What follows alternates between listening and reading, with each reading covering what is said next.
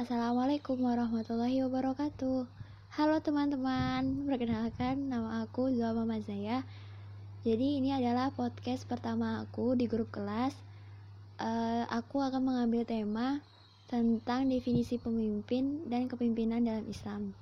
Selamat mendengarkan. Nah, jadi aku pengen bahas tentang uh, definisi pemimpin, terus ada karakteristik karakteristik pemimpin, ada model pemimpin, syarat-syarat pemimpin, pilar-pilar kepimpinan.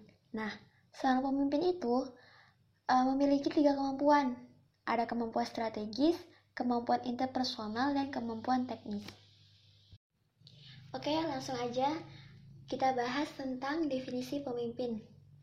Nah, pemimpin itu adalah orang yang menjadikan atau dijadikan panutan oleh orang lain yang mana dia tuh memiliki uh, sebuah visi dan misi yang harus dikembangkan dengan atau bersama anggotanya. Ini jelas banget ya. Jadi bisa kita simpulin, jadi pemimpin itu adalah orang yang menuntun atau mengajak kita uh, menggerakkan kita untuk mencapai tujuan bersama. Seorang pemimpin di dalam Islam itu dianjurkan harus memiliki uh, iman yang kuat, amal soleh, dan batang tubuh atau jiwa-jiwa yang kuat gitu. Kenapa seorang pemimpin harus memiliki iman yang kuat? Uh, iman kan berupa keyakinan ya, keyakinan kita kepada Allah gitu. Jadi uh, setiap apa yang kita lakukan, setiap apa yang kita kerjakan, Allah tuh selalu mengawasi, Allah tuh selalu uh, melihat gerak-gerik kita gitu dan semata-mata untuk uh, mencapai keridhaan Allah Subhanahu wa taala.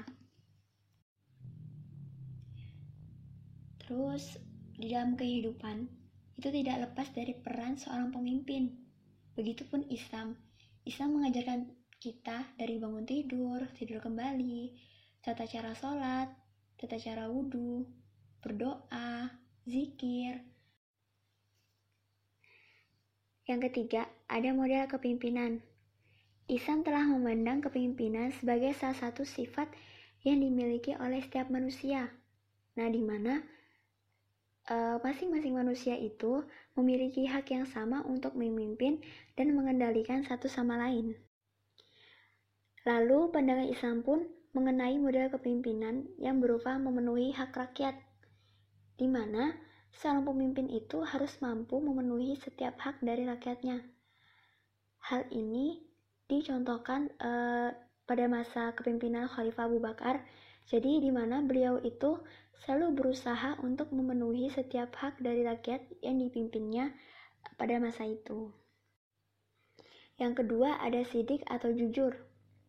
Seorang pemimpin juga harus memiliki sifat yang ditanamkan dalam jiwanya itu melalui kepimpinannya. Salah satunya itu sifat seorang pemimpin yaitu jujur. Tidak hanya jujur, melainkan mampu menanamkan jiwa kebenaran untuk mencapai tujuan bersama. Jadi seorang pemimpin harus menanamkan uh, sifat dalam dirinya sendiri, sifat jujur gitu. Bayangkan saja jika pemimpin uh, tidak memiliki sifat jujur, ah pasti rusak banget. Yang ketiga ada tablik.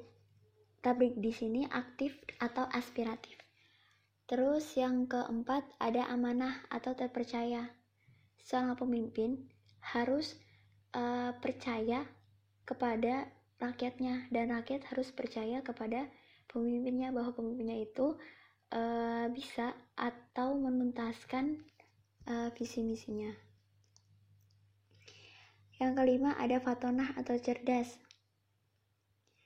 Di sini bukan berarti ia tuh harus menyombongkan diri, bukan kayak gitu, bukan. Atau uh, menyombongkan atas kemampuannya dimiliki.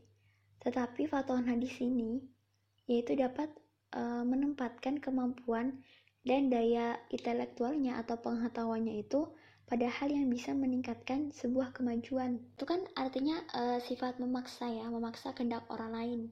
Di dalam Islam pun uh, Islam itu tidak menyukai pemimpin yang memiliki sifat otoriter, pemimpin yang memaksa kehendak orang lain gitu.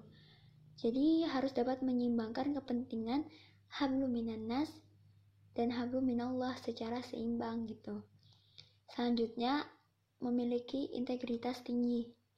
Terus menjalin kerjasama dan memberantas kezaliman. Terus selanjutnya, pilar-pilar kepemimpinan ada tiga. Visi masa depan, yang kedua ada pengikut yang setia, yang ketiga ada motivasi dan stimulasi. Nah, seorang pemimpin itu juga harus memiliki kemampuan. Ada tiga kemampuan yang harus dimiliki uh, pemimpin. Yang pertama adalah kemampuan strategis, kemampuan interpersonal, dan kemampuan teknis. Sehingga yang dilakukan oleh seorang pemimpin itu harus menguasai interpersonal skill di mana seorang pemimpin itu harus uh, peka terhadap lingkungannya.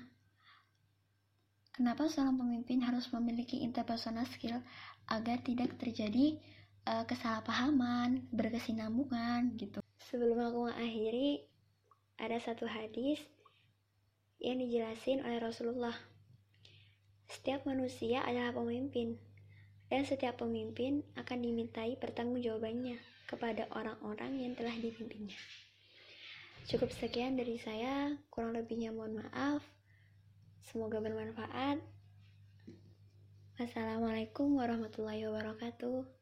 Sampai jumpa di episode selanjutnya. Syukron.